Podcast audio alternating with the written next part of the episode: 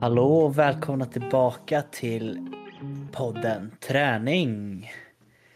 Idag ser ni, idag är det lite speciellt för idag har vi fått in en önskan ifrån en av er som lyssnar och den här önskan handlar om att vi skulle prata om ämnet rädslor eller rädslor kring träning och annat. Så det är det vi ska försöka prata kring om idag. Men som vanligt så är det ju med mig Sebastian. Och mig Henrik. De kommer att följa med er under hela den här resan. Hela vägen till slutet. Oh ja. Men rädsla, vi, vi tyckte ju att det här var väldigt intressant faktiskt när vi fick in det. Men jag tänkte att man kan ju alltid börja med att kolla upp liksom vad är rädsla? Det känns ganska rimligt att eh, googla upp det. Så det var det jag gjorde helt enkelt. Och jag kom in på den här kära sidan Wikipedia. Hade inte du den här kunskapen sedan innan? Nej, jag hade inte den i huvudet. Tyvärr faktiskt. Men eh, helt enkelt rädsla kan man säga är rädsla är en känsla som man känner vid hot eller en riskfylld situation. Den kan både vara äkta och den kan vara inbillad. Rädsla kan också förklaras som ett extremt ogillande av en situation, tillstånd, saker, människor och liknande. Till exempel så kan rädsla vara mörkerrädsla, eh, rädslan för att bli utsatt för ett brott eller till exempel kanske som passar in lite mer idag, rädslan för att misslyckas. Så där har vi lite vad rädsla betyder helt enkelt. Det är lite intressant ändå för jag tror att frågar man så vet ju alla vad rädsla är men ändå så vet man inte vad rädsla är när man hör det i en sån djup analys som du drog här. ja, väldigt djup. Nej, det är som du säger. Jag tror man bara vet att jag är rädd för det här och så säger man en fobi då kanske som man är lite mer rädd för. Men det är kanske inte så många heller som går lite djupare in vad det faktiskt är man är rädd för när man säger att man är rädd för grejer i träning eller annat utan det är väl lite jobbigt kan jag tänka mig att gå lite djupare in i detta. Ja, lite så. Och dagens avsnitt då kommer egentligen hela avsnittet kommer vara alltså, frågor och delar eller upplevelser som vi har fått in från er som lyssnar och det är de vi kommer diskutera idag. Men innan vi går in på era upplevelser så tänkte jag fråga dig Sebastian om du har några rädslor eller liknande antingen nu eller som du har upplevt inom träningsvärlden? Oh. Det är ju det här att gå in lite djupare i sig själv nu som det, man märker lite med en gång att det är lite obehagligt och från början här så satt man ju tänkte lite på att nej men det, det är nog ingenting jag har haft. Ehm, men, men det har varit rädslor, obehag från ganska tidig ålder skulle jag säga. Ehm, en utav rädslorna som, eh, eller obehag som jag tänker på med en gång, det var i tidig ålder när man började med handboll. Ehm, I och med att jag också var en elitsatsande klubb, eller hur man ska lägga det, så var det alltid den här rädslan av att man inte var tillräckligt bra nog. Jag inte gjorde det jag skulle. Och i det så skulle det då leda till att man inte fick spela handboll helt enkelt mer. Så det är väl en rädsla som kom relativt tidigt, eller obehag eller press vad man ska säga den, att man inte räcker till. Det tror jag många kan känna sig igen.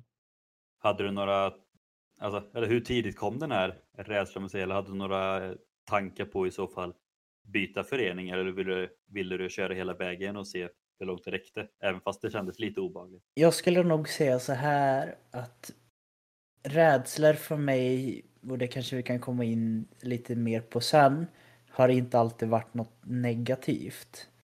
Och rädsla är något som jag också haft svårt att sätta ord på.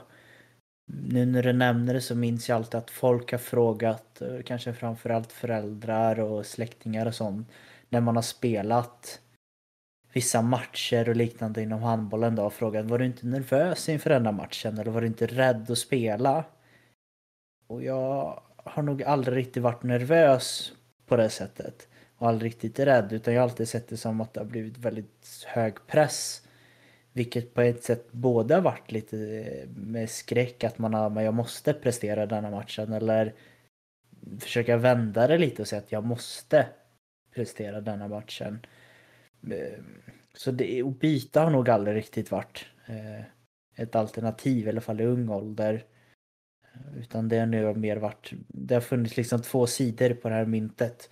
Och det har varit liksom rädsla och motivation som har speglat varandra om just den biten är väl ganska vanlig att vissa blir sänkta av den pressen och rädslan medan vissa höjs av den. Och det är väl därför det är så mycket snack om det här med tidig elitsatsning och liknande för att man tappar, man tappar många barn och unga på det. Men vissa är ju som dig också, att man höjer sig och kanske på ett sätt gillar den känslan också. Ja, det är väl lite det man dras mot, mot de här kickarna och så. Även om det kan vara jobbigt i vissa tillfällen så kan det vara bra i andra. Oh ja. Eh, men om vi studsar tillbaka frågan till dig då. Har du haft några rädslor eller så här lite, något som varit lite obehagligt?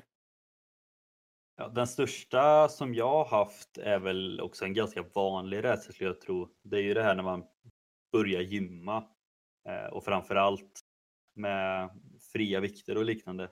Jag har ju alltid varit väldigt lång och spinkig och sprungit väldigt mycket och jag har ju, jag har ju aldrig haft några direkta muskler så jag har ju alltid känt mig jag har aldrig känt mig hemma på ett gym och när man då väl började gymma så var det ju, man höll sig till maskinerna för man vågade inte gå till de här stora grabbarna i hörnet med fria vikter och bänkpressen och liknande utan jag höll mig oftast i benpressen för det, det var det jag kände att där kunde jag där kände jag mig stark och där kunde jag leverera liksom.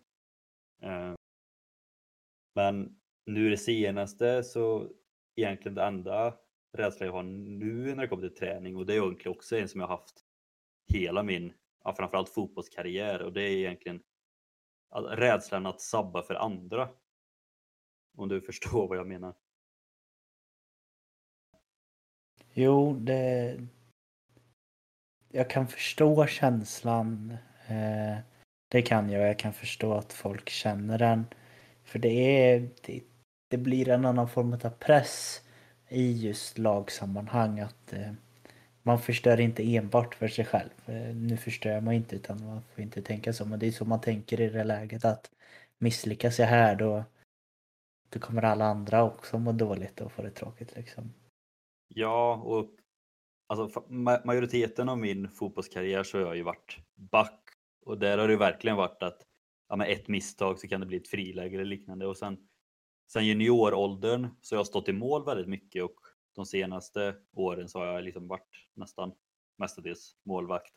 Och det är också en väldigt utsatt position. Jag tycker att det är svinkul att stå i mål och på träningar och allting. Det är absolut roligaste som finns. Men på matcher, alltså även om man är sjukt taggad och man blir lite taggad av att vara den här sista utposten för att man kan ju bli hjälten också om man räddar ett skott liknande. Men samtidigt så är det så här att helt plötsligt kan man ju släppa in en lätt boll och då blir man ju verkligen syndabocken. Om man jämför med till exempel en forward kan ju bränna 10 frilägen men så sätter den ett sista läge och så vinner vi med 1-0. Då blir den hyllad men som målvakt så kan man göra 10 superräddningar och släppa in ett mål, ett billigt mål och bli liksom syndabock. Så det är väl liksom, ja men det är egentligen en rädsla som man har burit med sig hela livet. Det är inget som påverkar mig jättemycket egentligen utan det, jag, jag blir inte tveksam utav det. Men det finns ju ändå där att återigen, man vill inte vara den som sabbar. Man vill inte vara den som förstör en vinst eller ett oavgjort resultat så att det blir förlust.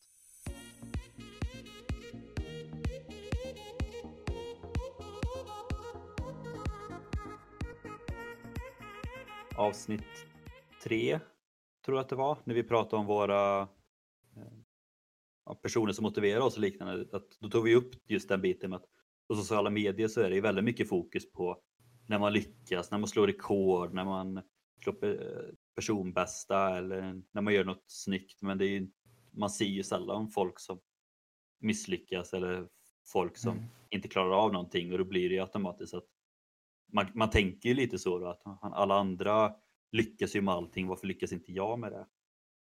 Det, det stämmer helt och hållet. Och det är väl mycket det som vi känner också att vi har fått in här. Utan det har faktiskt kommit rätt många frågor kring det här ämnet. Jag skulle säga att det här är nog det ämnet jag har fått mest frågor av och även du har fått ett gäng. Och det är väl därför också som vi kände att det här blir lite mer en fråg, frågeavsnitt. Eh, för det känns som många tycker att det här är någonting som är jobbigt och vi har väl nämnt det tidigare, det svåraste är att börja. Och det är väl det vi hoppas att det här ska hjälpa till lite med. Så upplägget kommer ju vara lite att vi har fått in upplevelser eller rädslor från er som lyssnar. Och vi har ju inte hela bilden om varför folk är rädda för det. Så tanken är egentligen att vi kommer ta upp upplevelserna. Sen kommer vi ta upp våra tankar och erfarenheter om vi har något om det. Och vi kommer ta upp varför vi tror att rädslan finns. Och sen kommer vi även försöka komma med tips hur man tar sig över rädslan, hur man kan ta det klivet. Jajamän. Men jag tänker att vi tar första frågan som vi fick in här. Eh, och den har kommit in i olika former skulle jag säga, just den här frågan. Men kort och sagt så lyder den så här. Rädslan för att börja gymma eller rädslan för vad andra redan befintliga medlemmar ska tycka om en själv som är ny på ett gym. Och den är ju som sagt troligtvis väldigt vanlig och jag själv kände ju lite som så också som jag nämnde innan. Och det är ju som sagt att man kommer in i en helt ny miljö som man inte har varit på innan. Man vet inte riktigt vad man ska göra, man vet inte riktigt vad folk som finns där. Medan folk som är där är jätteerfarna och full koll. Det är, det är klart att det blir en läskig miljö att sätta sig in i. Det blir det ju och det kan även vara en utsatt situation just. Eh, och komma in i alla sådana här lägen där, man, där det är en uppgift som ska göras som kan liksom jämföras med andra oavsett om det är simma eller spela golf eller kan man jämföra sig med andra så tror jag att den här eh, rädslan, den känslan kommer upp ganska lätt för vissa. Har du några erfarenheter om det här eller hur kände du när du började gymma? Jag har många erfarenheter och mycket tankar kring detta. Jag kan väl ta med egen syn då. Jag började ju gymma när jag var 14. Så det var relativt tidigt. Kanske 13-14. Eh, jag nämnde det förut, jag blev ganska lång och ganska stor ganska tidigt i min ålder vilket gjorde att jag gick upp ganska tidigt med juniorerna i handbollen. Och de började ju träna på gym då. Så jag fick en väldigt tacksam väg in just på träning på gym om man ska ta där och även tacksam på all form av eh, idrott och hälsa. Att jag liksom successivt eh, jobbats in på det. Eh, man, fick väldigt mycket hjälp i början, det var mindre grupper. Man, man hade alltid en vuxen var det i det fallet som var med en och hjälpte en. Så i alla mina sådana har jag liksom haft Ehm, den optimala vägen, att man börjar lugnt och sen så successivt ökar det. Den enda gången som jag någonsin har mer kastats in i något nytt och kanske upplevt en sån här liten obehaglighet, det kanske varit i vissa former utav gruppträningspass och liknande. Finns på gym och det är ju då konceptet där att man gör en viss rörelse eller annat. Och det har väl också slängts in lite att man skulle testa det i skolan, gjorde vi några gånger. På våran utbildning så gick vi ju tillsammans faktiskt på några och det kanske var lite obehagligt att man inte visste vad man ska göra. Sen har det också varit ganska svårt i och med att jag alltid haft träningsintresse jag har ändå haft relativt enkel med motorik och jag har väl även varit en av dem runt omkring mig som har haft ganska enkelt med styrka och liknande så jag har inte riktigt satt sig den pressen faktiskt. Det är ju väldigt skönt ändå som sagt att du har kommit in från en ganska lugn miljö och trappat upp dig hela vägen. Det har kommit mer som en naturlig övergång för dig låter det ju som. Ja, sen är det självklart att jag minns första gången som jag gick in på ett eh, vad ska man säga, officiellt gym, inte bara källargym med mina lagkamrater. Då är det självklart att man är lite osäker och man undrar vart man ska gå och så. Sen hade jag sån tur och det vet jag många gym idag har. Och det är väl egentligen det som jag har jobbat med under de här åren och något som jag skulle ge som en rekommendation till de allra flesta. Det är att många gym har någon form av introduktion. Även om du inte har tecknat ett eh, medlemskap eller har tecknat ett så ska du få hjälp och stöd från personal som finns där. Det är liksom deras jobb tycker jag. Och det var ju väldigt någonting som jag hade extremt stor vikt med när jag jobbar som personlig tränare. Det var inte bara så att jag jobbade med att träna folk utan någonting som jag tryckte väldigt mycket på och vad som jag tror var en av mina faktorer till att många faktiskt fortsätter köra med mig. Det var att vissa dagar kunde jag stå där Jag ser att eh, någon kommer in i gymmet och man ser att den är ny för den har liksom inte med sig träningskläder eller något och bara kollar in. Att jag tycker att ett gym Går det in nytt på ett gym och ingen personal kommer direkt fram och frågar Hej, är du ny här? Vill att, vill att jag ska visa runt dig på gymmet? Ja, gå till ett annat gym då, för det finns många gym som faktiskt gör det, helt ärligt. Det är fantastiskt att få den hjälpen och få någon som visar runt allting. Även på det gymmet som jag var på så jobbade jag med att deras första tre, fyra tillfällen som de var på ett gym så var jag där med dem. Jag sa hur maskinerna funkade, jag sa vilka övningar de skulle göra, jag sa exakt allting som man ska tänka på. Jag fanns där som ett extra stöd.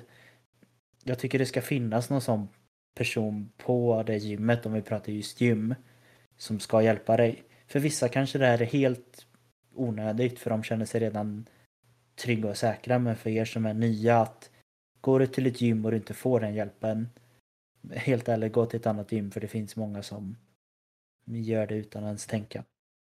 Jag tror att det är kanske den viktigaste punkten just för att återkomma, eller för att just komma över den rädslan. Att våga be om hjälp. Sen håller jag med dig där, alltså är man ny på ett gym så ska det komma fram någon och hjälpa en utan att man ska behöva riktigt be om det. Men även om, när man har kommit in i gymvärlden, det kan ju vara samma sak efter två månader om man är osäker på någonting på någon maskin eller något upplägg eller liknande. Var inte rädda för att fråga. Det finns massa som kan hjälpa till och de är där för att hjälpa. Det är deras jobb. Så var inte rädd för att fråga. Nej men verkligen och det, det är väl också lite med den här vad, vad, ska andra tycka om dig som ny medlem liksom att jag tror inte de eller märker du ifall det börjar en ny på ditt gym? Nej, alltså det enda man märker är ju om det är någon som är där samma tid som mig själv, då kanske man känner igen den. Men när jag är på gymmet, då fokuserar jag bara på mitt. Jag märker knappt om det är några andra där. Nej, och det är väl lite det man får tänka att beroende på storlek på gym och kanske också lite vilka personer som är där att självklart kan det alltid uppmärksammas att det kommer in en ny person till gymmet. Men går man till ett gym så går de allra flesta dit för att träna. Tror eller ej så är det det de flesta gör. Eh, eller kanske går dit och tränar med en kompis eller något annat. Så de kommer att vara väldigt fokuserade på sig själva. Vilket helt ärligt de allra flesta lägger inte till en ny medlem. Och är det så att de lägger till eller, eller, eller märker att det är en ny medlem som kommer. Då är det oftast liksom lite mer glädje kanske, lite mer den här ja men vad ska man säga, att man känner sig eh, man känner igen sig. Att man bara, oh, nu börjar den här. Har man roligt? Håller den på med samma eh, roddmaskin som jag har? Undrar vad den klarar? Ja, den är säkert jätteduktig. Och just det där sista tror jag är någonting som många tänker att de kommer utgå från att du har koll. Ja, jag tror också att som du nämnde det, att om man sätter sig vid samma roddmaskin eller liknande. Så det är alltid kul med folk med exakt samma intresse som en själv. Det är därför jag tror att grupppass har blivit så, så stort och så positivt. att De blir ofta som en liten familj. Det kommer jag ihåg till exempel när jag hade, ja, men jag hade praktik på eh, gymmet som du jobbar på. Eller du hade också praktik men du jobbar där också. Där var det alltid ett pensionärsgäng varje vecka och som tränade ihop gruppträningspass och så fikade de ihop efteråt och det var ju de hade ju ingen liksom gymerfarenhet men de tyckte bara att det var kul för att det fanns folk med samma intresse. Liksom. Så det är väl det man får tänka att det, det, om det är någonting som kommer upp om att det är ny så är det egentligen mest lycka över att det är någon som har samma intressen eller att det, man känner sig lite stolt att den också är här. Enda gången jag märker att det är någon ny som börjar på ett gym, det är om jag känner den personen och har vetat att den har tränat på ett annat gym tidigare. Och är det någon som skulle tänka negativt eller sucka att det kommer någon ny, då är det ju den personen det är fel på i så fall. Ja, då, då är det nog mer den som behöver skriva in en fråga och så kan vi hjälpa den i så fall. Ja, eller så är det den personen som får byta gym. Liksom. Ja, men lite så faktiskt. Men om vi ska ta det ett steg till, om vi säger att man Mm. kommit över rädslan med att börja gymma, så är ofta nästa steg, i alla fall som det var för mig, och jag tror många också, steget det här med att gå från maskiner till fria vikter. Det är ett steg, kan vissa uppleva det som. Självklart. Någonting som jag jobbade väldigt mycket med med eh, mina klienter och även folk runt omkring mig är väl lite så här att många har fått en syn utav att gym är maskiner. Och så kan det ha varit väldigt mycket mer förr skulle jag säga. Eh, För förr så var det ju att maskiner skapades ju faktiskt som ett komplement eh, för bodybuilders tror jag till och med var faktiskt att eh, Ja, de vill att maskiner blir mer, mycket mer koncentrerad och med det så menar jag att en maskin tränar en muskel. Och det tränar inte riktigt oftast. Självklart kan det träna mer muskler men oftast så fokuserar det på en specifik muskel. Som till exempel bensparken. Du ska sparka en vikt och sträcka ut benen. Då fokuserar den på framsida lår, kvadriceps. Eh, vilket gör att det blir optimalt att kunna bygga upp den till större och det var så själva gymvärlden kom upp. Och det var väl så gym var förut, kopplat med de här muskelknuttarna som började med maskiner och sen lyfte tunga frivikter. Något som jag sa till många det var att tänk bort ordet fria vikter och maskiner faktiskt. Att jag sa mer att tänk träning och vad vill du få ut utav träningen? Självklart kan det alltid vara en rädsla att börja med fria vikter för man, man tycker att det ser svårare ut och på ett sätt så är det lite mer att tänka på för att istället för att du jobbar med en muskel som man förstår då att då måste du bara fokusera på en muskel. Men gör du en annan övning så blir det mer med fria vikter att det oftast, inte alltid, men oftast så kan det koppla in flera muskler och flera rörelser. Vilket gör det på ett sätt lite mer komplicerat. Ja, det krävs ju lite mer teknik med fria vikter än vad det gör i maskiner. Som sagt, i maskiner så sätter man sig oftast och så finns det egentligen bara ett sätt att göra på. Medan fria vikter så finns det så pass många olika sätt att göra det på. Det kan vara fram och bak och upp och ner och beroende på vart man håller skivstång och liknande. Så har man på för hög vikt och fel teknik så kan det bli farligt. Så, att, så det jag tror att där finns det nog en ganska stor rädsla med just tekniken. Ja, och det är väl det man hör från ofta. Ett mellansteg som jag gav som alternativ för de allra flesta. Det var något som jag kallade för funktionell träning. Och det för många blev inte lika läskigt. Jag kan ta och säga lite det jag brukade säga så får du se om det låter lite mer snällare än fria vikter kanske. Om vi jämför så här att istället för att stå där borta med de här stora tunga eh, stängerna och ha dem ovanför huvudet så kanske vi kan börja med att vi har ett par enklare hantlar i händerna och böjer på benen. Eller att vi har en boll i famnen och sätter oss på en bänk. Låter det lika farligt som att lyfta de här tunga vikterna? Och Nej. så har jag väl sagt att samma där att du behöver inte alltid hoppa på de här stora tunga stängerna och gå bort dit där det är de tyngsta hantlarna utan ta ett mellansteg, börja med de lite enklare. Ehm, gör rörelser som du faktiskt gör i vardagen. Mycket av det man tränar är faktiskt man gör i vardagen. Och försök att kanske ta lite hjälp, hade jag kanske sagt om du är lite osäker. Jag tror också att tar man, börjar man sagt lite enklare som du nämnde nu så blir det nog ett mer naturligt och enklare steg om man skulle vilja gå på de tyngre grejerna sen. För då har man ändå fått in lite teknik och man vet vilken sorts träning man vill göra. Vilket gör att det blir väldigt, det blir nog enklare sen när man går över till Ja. nästa steg. Sen kommer jag alltid vara lite på en sida här i och med att jag har jobbat som personlig tränare men, och instruktör. Men igen, är det just på ett gym vi pratar om så tycker jag att det här gymmet ska kunna ge ut någon form av hjälp eller guidning inom både maskiner och fria vikter och kanske inte dela upp det utan mer tänka på vad har du för mål med din träning och sen därefter kunna hjälpa och stötta det lite. Och finns det inte det, då finns det ju alltid sociala medier man kan ta lite inspiration ifrån.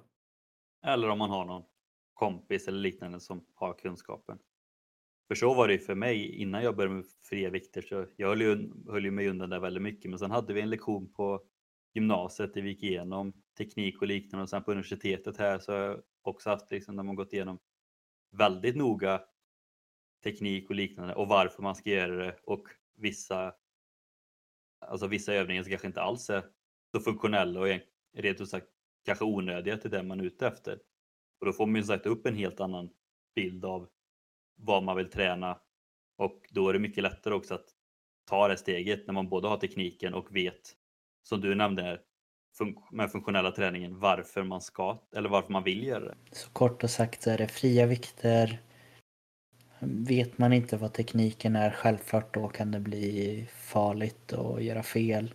Men kollar upp lite enkelt faktiskt, för det finns så mycket på eh, hemsidor även väldigt bra källor där du kan hitta tips och det är många faktiskt vardagliga människor så som du och jag Henke som har relativt bra koll på träning som eh, man kan fråga en hjälp och många utav antagligen, du känner antagligen någon i din vänskapskrets eller närhet eller kollega som har lite koll.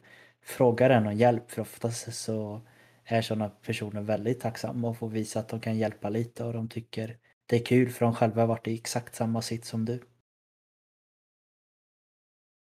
Tänk inte att man är på besvär när man frågar om hjälp utan tänk snarare på att de andra tycker bara det är kul att hjälpa till.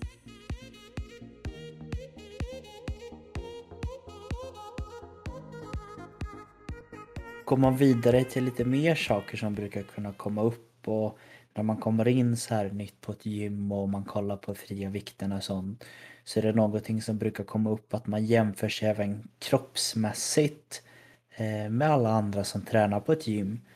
Eh, och det är ingenting riktigt som man kanske kan eh, inte prata om för, för många av dem som börjar på ett gym har oftast ett kropps, kroppsligt mål, att de vill förändra hur de ser ut. Och det kan ju ibland vara lite jobbigt för vissa och någonting som man kan vara lite rädd för. Eh, du nämnde ju själv det lite med Henke att du tyckte att det kunde varit lite behagligt, obehagligt just med att kunna jämföra sig kroppsmässigt. Har du några mer tankar kring det eller? Ja men det var ju sagt när jag började, jag var väldigt lång och pinsmal, liksom hade knappt några muskler alls förutom i benen från fotbollen. Men nu senare, liksom, när man har varit på gym väldigt länge och tränat och liknande så har man ju märkt att jag, alltså jag vill ju inte ens se ut som de stora på gymmet. Det är inte, det är inte så jag vill bli och sen vet jag också att de skiter fullständigt i vem jag är och hur jag ser ut och jag bryr mig inte hur de ser ut heller. Så det är verkligen något man, man tänker på mycket i början.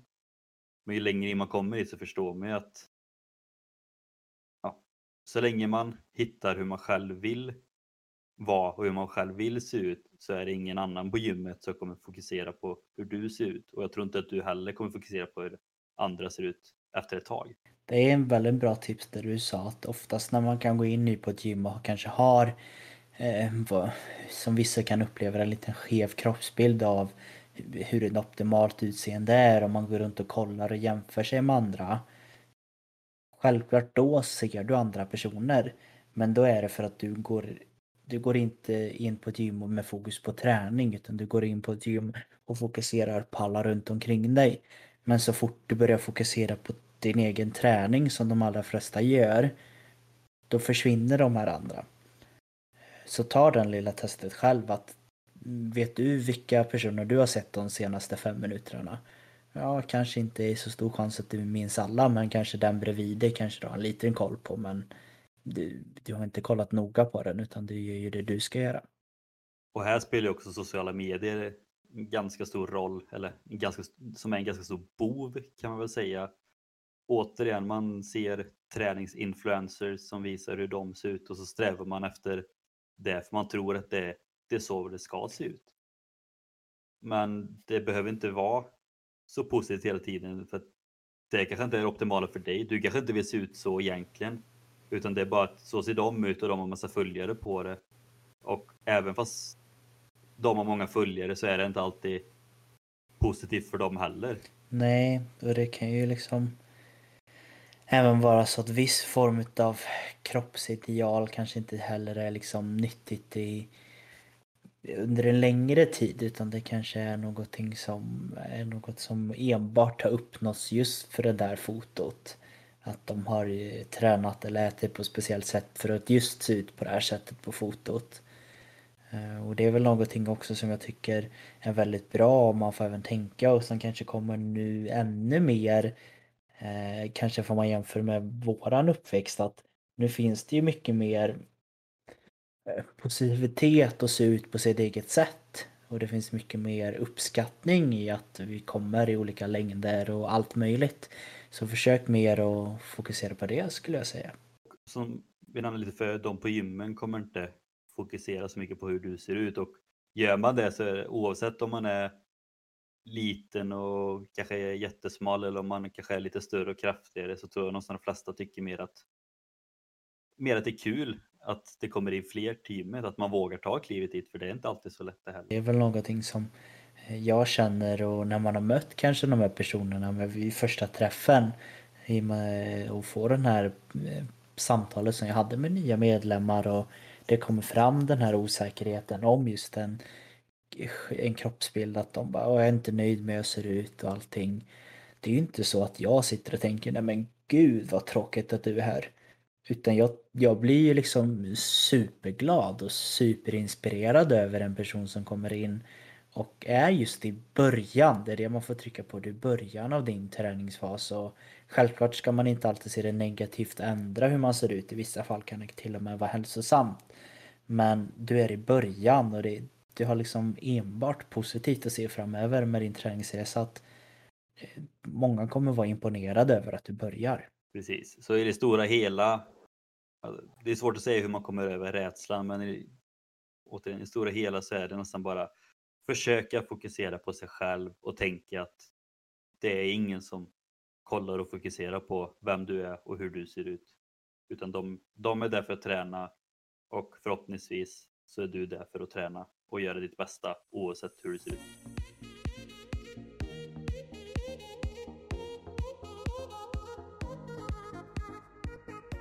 Nästa upplevelse som vi har fått in är eh, rädslan, rädslan att komma tillbaka från graviditeten. Och här är ju lite intressant då, för vi har ju faktiskt en eh, graviditetsträningsexpert med oss här i podden, Sebastian. Oh, vilka, eh, vilka vänliga ord. jag tänker så här att först och främst så ska det kanske tryckas på att jag är absolut ingen expert. men, men jag har utbildning i det och jag har aktivt försökt att jobba med det. Jag var faktiskt, när jag började med det för några år sedan och jag sökte runt, så var jag just då i alla fall den enda grupp gruppen i Skövde som hade träning för kvinnor efter graviditeten. Fanns det ingen annan? Nej, jag sökte runt och det gjorde jag ganska länge. Men just då fanns det ingen i alla fall. Sen så har det kommit och jag har även träffat andra kollegor som har fokuserat just på graviditetsträning. Men just där och då för några år sedan så vet jag att jag var eh, den enda gruppen som fanns i alla fall som man kunde söka på. Så det här är någonting som jag ändå har läst på lite utav skulle jag säga. Jag ska inte säga mycket för jag vet ju hur mycket det finns att jobba kring det här. Men lite tips kanske man kan ge det med. Det finns ju massa och vi kan säga att du, du är mer koll och mer utbildning än vad jag har i alla fall. Så därför är du experten av oss två. Okej, okay. då, då sätter vi det så. Då. Eh, men jag tänker så här att ska jag väl också just i slutet på min personliga karriär. Jag jobbar ju fortfarande lite som det, men jag jobbar aktivt på ett gym. Hälften säger vi, vi säger hälften var i alla fall eh, graviditet under, efter. Eller efter helt enkelt. Så jag har jobbat med en del utav dem och vi har alla haft olika eh, motgångar och medgångar som allt annat. Men just den här rädslan för att komma tillbaka efter graviditeten. Den har ju funnits hos många utav dem. Och det är lite också därför som många av dem har jobbat med mig för att de vill att de ska bygga upp sig så mycket som möjligt innan. Det är ju lite, man kan ju säga alltså en vanlig grej är också det här med att komma tillbaka från skada och liknande. Man kommer tillbaka från graviditet, det är ju, det är ju lite skillnad ändå. Ja, lite är det Men sen så får man ju också säga att det kan ju också faktiskt bli i form av skador just eh, under en graviditet och kanske framförallt vid förlossningen kan det ju komma vissa former utav eh, saker som kommer att påverka en efteråt liksom. Eh, det är ju det är nog ingenting som jag någonsin kommer förstå hur tungt det här är men Nej. Nej, men det, det, det, det är en tung sak att gå igenom en graviditet så man eh, Första ordet jag skulle skicka med dig är ha respekt för det. Jag har enorm respekt för graviditeten och eh, prioritera om det är det viktigaste och, och träna liksom i så fall. Det blir ju lite så så att ta det steg för steg, inte stressa tillbaka. Det går inte att tänka att man ska vara på samma nivå man har varit på innan. Så det blir som sagt, som du sa, ha respekt och våga ta det lite lugnt. Ja, jag tänker att jag, jag kan skicka med några tips kring detta. Och det kan väl, jag känner nästan att vi måste dra det med under graviditeten och, och innan lite för att man ska få förståelse över det. Om vi är aktivt så här att du går in och börjar träna innan du blir gravid, då ligger du på en nivå. Och när det är under graviditeten, där gick aldrig vi och man ska egentligen aldrig gå in så mycket just under en graviditet för en, prest, en, eh, en ökning i prestation. Och med det menar jag att du ska försöka fokusera på att bli så mycket starkare. Du ska försöka köra och bli så mycket snabbare, smidigare. Självklart kan du göra det till viss mån i början, självklart. Men så längre det går så är kanske målet mer att du inte ska tappa lika mycket. Att du inte ska gå ner dig lika mycket nivå. Om du börjar på en hög nivå, att du inte ska sjunka allt för mycket. För det kommer att sjunka till viss del. För du, du kommer att få bära mer vikt och det kommer att ändra om din kroppskomposition och att du får liksom tyngden lite längre fram och de här smärtorna kring rygg och liknande. Det kommer att ske. Och ser man då kanske efter just graviditeten att den rädslan som många har hört det är den här att men jag kan inte träna för att jag har inga magmuskler. Det är väl på ett sätt sant. Och det är ju självklart just det förlossningen gick och men tar man generellt om det är en, en, en förlossning skett vaginalt och det inte varit allt för många eh, problem under förlossningen. Eh, då är det ofta så att magen har, har delat sig lite, eller magmusklerna. Eh, vilket gör att man kan nästan känna att det är som ett litet hål i mitten av magen. Och det är för att magmusklerna har stretchat ut så mycket för att magen har växt. Och det här kan då påverka det här skyddsbältet eller vad man ska kalla det kring bålen. Ingen riktigt stabilitet på samma sätt. Men är det så att du har fått hjälp av någon expert och en expert då ska jag säga att det här ska egentligen inte vara en personlig tränare eller instruktör om det inte är så att den har fått riktigt, riktigt bra ut de som är proffs på det. Ofta så kommer de att kunna hjälpa dig och säga att jo men det här såg bra ut. Magmusklerna har gått tillbaka bra och de, de sitter tillräckligt mycket ihop och det är väl det jag skulle säga att fråga experterna mm, just kring förlossningen. De kommer kunna hjälpa dig just med träning efter graviditeten.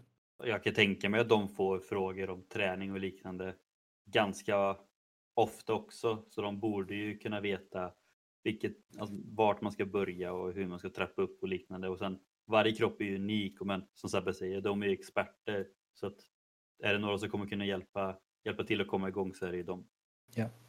Jag gick aldrig igång och tränade efter en graviditet eh, med någon av mina eh, utan att jag hade nästan tvingat dem i vissa fall att få ett utlåtande från någon expert. För det är inte värt att chansa och börja några veckor tidigare för att du vill utan fråga barnmorskan eller någon annan att är det okej okay att jag börjar träna?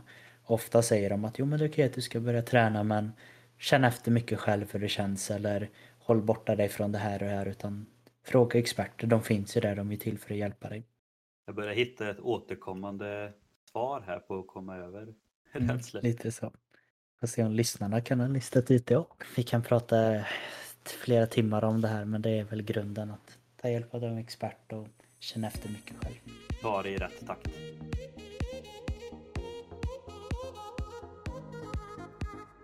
Hoppar vi vidare till nästa så är det att vi har fått in en liten fråga eller en liten känsla och rädsla just kring om att börja ett nytt lag. Och både du och jag har ju bytt lite, lite lag faktiskt tänker jag.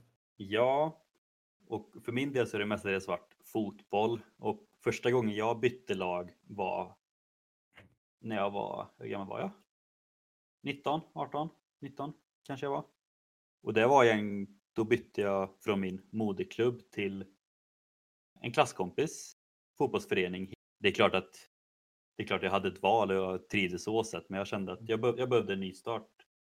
Så jag drog 30 minuter bort till en klasskompis lag och det gick ändå bättre än förväntat. Så jag har aldrig bytt lag innan så jag visste inte hur man skulle alltså hur det skulle kännas men jag kände ändå två personer i det här laget så för min del var det kom det som en ändå naturlig grej och jag blev välkomnad och allting. Så att just den biten var faktiskt gick bättre än förväntat men jag förstår verkligen känslan. Det är lätt att komma in i ett nytt lag. Hur har det varit för dig? Jag har ju också bytt just kanske lite äldre åldrar eh, just med handbollen och så men jag tänker att jag kan ta den andra synen att där jag kommer ifrån då var det lite mer en rädsla och kanske till och med att inte skamligt men det var något man inte skulle göra. Man skulle inte byta klubb. Utan man skulle vara kvar i samma klubb. Att det var liksom lite mer att men jag, jag ska inte gå till något annat utan jag ska vara kvar här. Eh, vilket jag tror för många blev en liten rädsla att de kanske hade passat mer för dem att kanske byta klubb i vissa eh, tillfällen eller vissa lägen. Men att istället för att byta klubb, för det var något man var rädd att det skulle inte bli accepterat från de andra, då slutade man sin idrott eh, istället för att byta klubb. Jag tror du sitter i en, satt i en lite svårare sits också med tanke på att dels att du var i en, men, i en elitförening och där blir det igenom så att byter man klubb då, ja, då går man automatiskt till en, inte sämre förening men inte en lika hårt satsande förening så att man lägger, ner sin satsning om man säger och sen så i Skövde då finns det ju, det finns ju många handbollsklubbar runt omkring så det blir ju lite hårdare ja, men lite derbykänsla. Man går ju till, det är ju, det är ju inte konkurrenter egentligen, men det är ju som sagt, det blir inte den förbjudna flytten. Eller vad man skulle säga. Ja, men lite så som du säger att den här, man håller liksom på sitt lag och det, det där är ju rivalerna på ett sätt men sen på ett annat sätt så var det liksom att spelade vi mot våra rivaler hemma. Vi hade bägge två samma hemmaarena liksom efter matchen så var vi kompisar. Vi kunde liksom gå ut och käka eller grilla tillsammans för vi var liksom vänner. Vi kanske till och med gick i samma skola eller hade samma jobb eller vi var liksom vänner men ja, det var en svår shit skulle jag säga som jag tror för många och framförallt för mig själv kan jag säga ärligt att det var en riktigt svårt beslut. Och det är ändå lite Nej, och det här om något skulle jag också säga är inga, det är en väldigt vanlig rädsla för jag skulle till och med kunna säga att det här kanske finns lite biologiskt bakom oss att vi liksom vi är flockdjur, vi, vi ska tillhöra en grupp och vi ska bli bekväma med den gruppen, den gruppen jobbar tillsammans och vi tar hand om varandra men när man lämnar sin grupp och kommer in i en helt annan ny grupp då är det rädslan att bli utstött liksom. Att det, det, var ju så det var för att blir man utstött så klarar man sig inte. Så det är en helt naturlig känsla liksom att vara rädd för. Men för, i de allra flesta lägen och är det en bra fungerande grupp eller lag till, eh, som du kommer till. Majoriteten utav alla grupper i början så kommer det finnas många tillfällen att komma in i gruppen. Jag tror ju att det som du nämnde nu jag tror att det är anledningen till att inte jag kände just den rädslan när jag bytte lag för första gången. För att jag kände inte att jag var inne i gruppen i det laget jag var i innan och jag kände inte att jag hade den sociala connectionen med lagkompisarna så det blev ju liksom att jag kände inte att jag förlorade någonting på att byta. Jag kände inte att jag förlorade någon, någon säkerhet, utan det var ju nästan tvärtom att en av mina närmsta kompisar från gymnasiet spelade i det laget och bytte till så det blir nästan, då visste man det. Och jag hade han och så hade jag ett till jag kände det så att helt plötsligt blev det nästan, nästan som en trygghet att byta istället.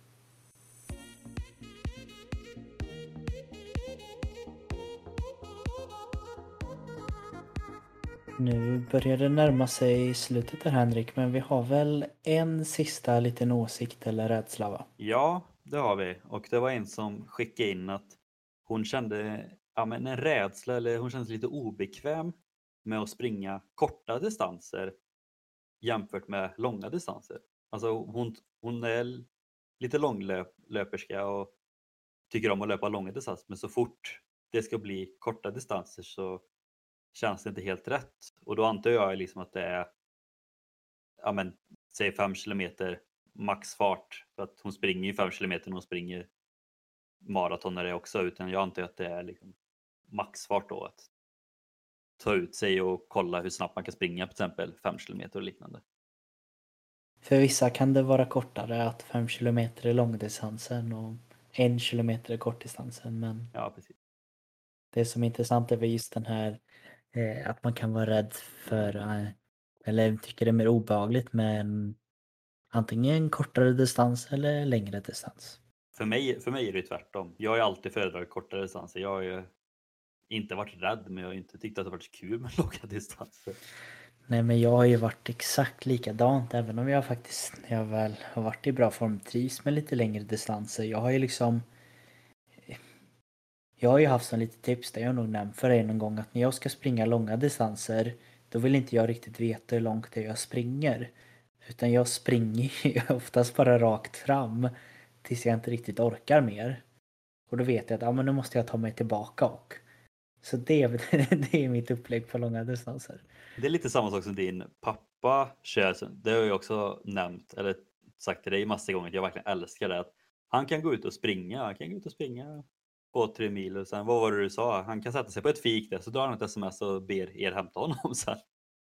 Ja men lite så att eh, Sen så kan han självklart, han, det är inte alla gånger som man bara sticker iväg men eh, just den här friheten tror jag han väldigt mycket med. Att han springer lite och han har ett litet hum om att men här borta kanske det finns ett fint fik.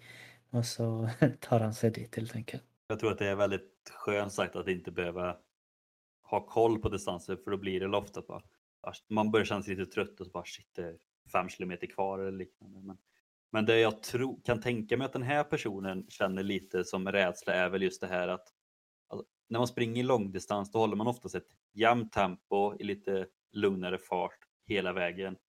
Medan korta distanser då är det ett högre tempo och är man inte van vid det så blir det ju mycket mjölksyra, kroppen stumnar, andningen blir ju mycket högre och är man inte van vid det så blir det ju väldigt obehagligt. Men det är ju även som du säger att det är ju vissa folk som faktiskt för första gången börjar träna och får den där lilla pulshöjden som nästan drivs lite av panik och det är väl lite samma där som man kan komma just kring de här kortare distanserna om man inte riktigt är van vid det. Att man ligger ju oftast på en sån hög nivå eh, så att kroppen tar slut på ett helt annat sätt. Liksom energin, vi har pratat om det tidigare, men energin räcker inte riktigt till. Det liksom tar slut på de här tapparna och kroppen blir stressad. Det, det, blir den. Det är inte alltid bekvämt där och då men efteråt så som allt annat så är det ju väldigt skönt att ha gjort. Nej och sen ett tips till just denna rädslan är väl som vi sagt många gånger tidigare att ta det steg för steg för att även om man är van vid längre distanser så kanske man inte är van vid just den belastningen och den andfåddheten som man har på kortare distanser. Så det kanske är bättre att börja på 500 meter eller en kilometer och se hur kroppen agerar och se hur det känns och sen ut, ut efter det så kan man öka antingen distansen eller så ökar man farten så får man se. På. Sen är det mentalt också skulle jag säga att du får kanske mentalt förbereda sig lite mer och på att det kommer vara tufft på ett annat sätt och kanske inte riktigt ha lika hög press på sig själv heller. Men det hör ihop med det vi har sagt tidigare. Men som jag nämnde lite tidigare att vi håller på att runda av lite. Det har varit ett intressant avsnitt det här med egentligen enbart lyssnarfrågor under ett helt avsnitt. Ja, och är det här något ni tycker om så skriv det så är det ett koncept vi gärna tar tillbaka. För det har varit väldigt kul att få in er mer i avsnittet. Ja, eller gör som den här lyssnaren gjorde att jag har lite, den här personen skrev, jag har lite tips på vad jag hade velat att ni ska prata om. Personen skickade in lite förslag och så nappar vi på det här lite kanske extra hårt och då kommer vi ta upp det. För vi nämnde ju det i början att det här är liksom podden för er. Vi vill få in er och era frågor och tankar så mycket som möjligt. Ju mer vi kan involvera er i podden desto roligare blir det för både er och oss. Yes, självklart. Jag tänkte bara att innan vi avslutar så vill vi göra lite reklam för nästa veckas avsnitt. Jajamän, då är det comeback tänkte jag säga, men det är det inte. Men det är tillbaka det här igen med att ha en gäst, eller hur? Oh ja, och det är inte vilken gäst som helst utan det är en gammal klasskompis till oss två. Ja. I nästa avsnitt så kommer Elise Wallén och gästa oss i podden och Elise Wallén är ju en väldigt intressant eh, karaktär, eller vad säger du Henrik? Alltså, där snackar vi verkligen inspiratör, solstråle, positivitet. Jag har nog inte sett henne vara negativ till någonting och är det någon som brinner för träning då är det definitivt hon. Ja, och det är det som har fått oss att eh, vilja ha med henne faktiskt. För nu är det ju till och med så att innan så har hon jobbat eh, väldigt mycket med både gruppträningsinstruktörs liknande arbeten. Där hon har hållit i gruppträning helt enkelt. Hon har även hjälpt folk att träna. Men hon har även utbildat sig och även kock inom det här väldigt moderna vad ska man säga, hälsospåret råfod. Eh, men nu på sista tiden har hon också utbildat sig till personlig tränare. Ja, så är väldigt välutbildade personer och framförallt raw food kommer ju vara något vi tar upp en del och det kommer vara väldigt intressant för att jag har väldigt dålig koll på det. Så det kommer bli väldigt intressant att höra. Ja, och jag tänker så här nu då. Redan nu när ni lyssnar, men vi kommer även skriva ut det här på våran Instagram. Träning podcast. Så kommer vi vilja att ni ska ställa henne enormt mycket frågor. Hon är ju som sagt väldigt, väldigt duktig just på att inspirera andra. Hon är väldigt duktig just på det här området med raw food, bildat personlig tränare. Ja, ni hör ju, det är nästan så liksom, vad, vi behöver knappt vara med. Det är bara hon kan sitta och prata en timme så Hon kan allt. får ni ut det här. Nej, men skämt åsido. Det, det är en person som eh, ni kommer kunna få väldigt mycket hjälp utav och få väldigt mycket inspiration. Så ta vara på chansen att ställa lite frågor till henne Eh, så kommer det bli enormt bra.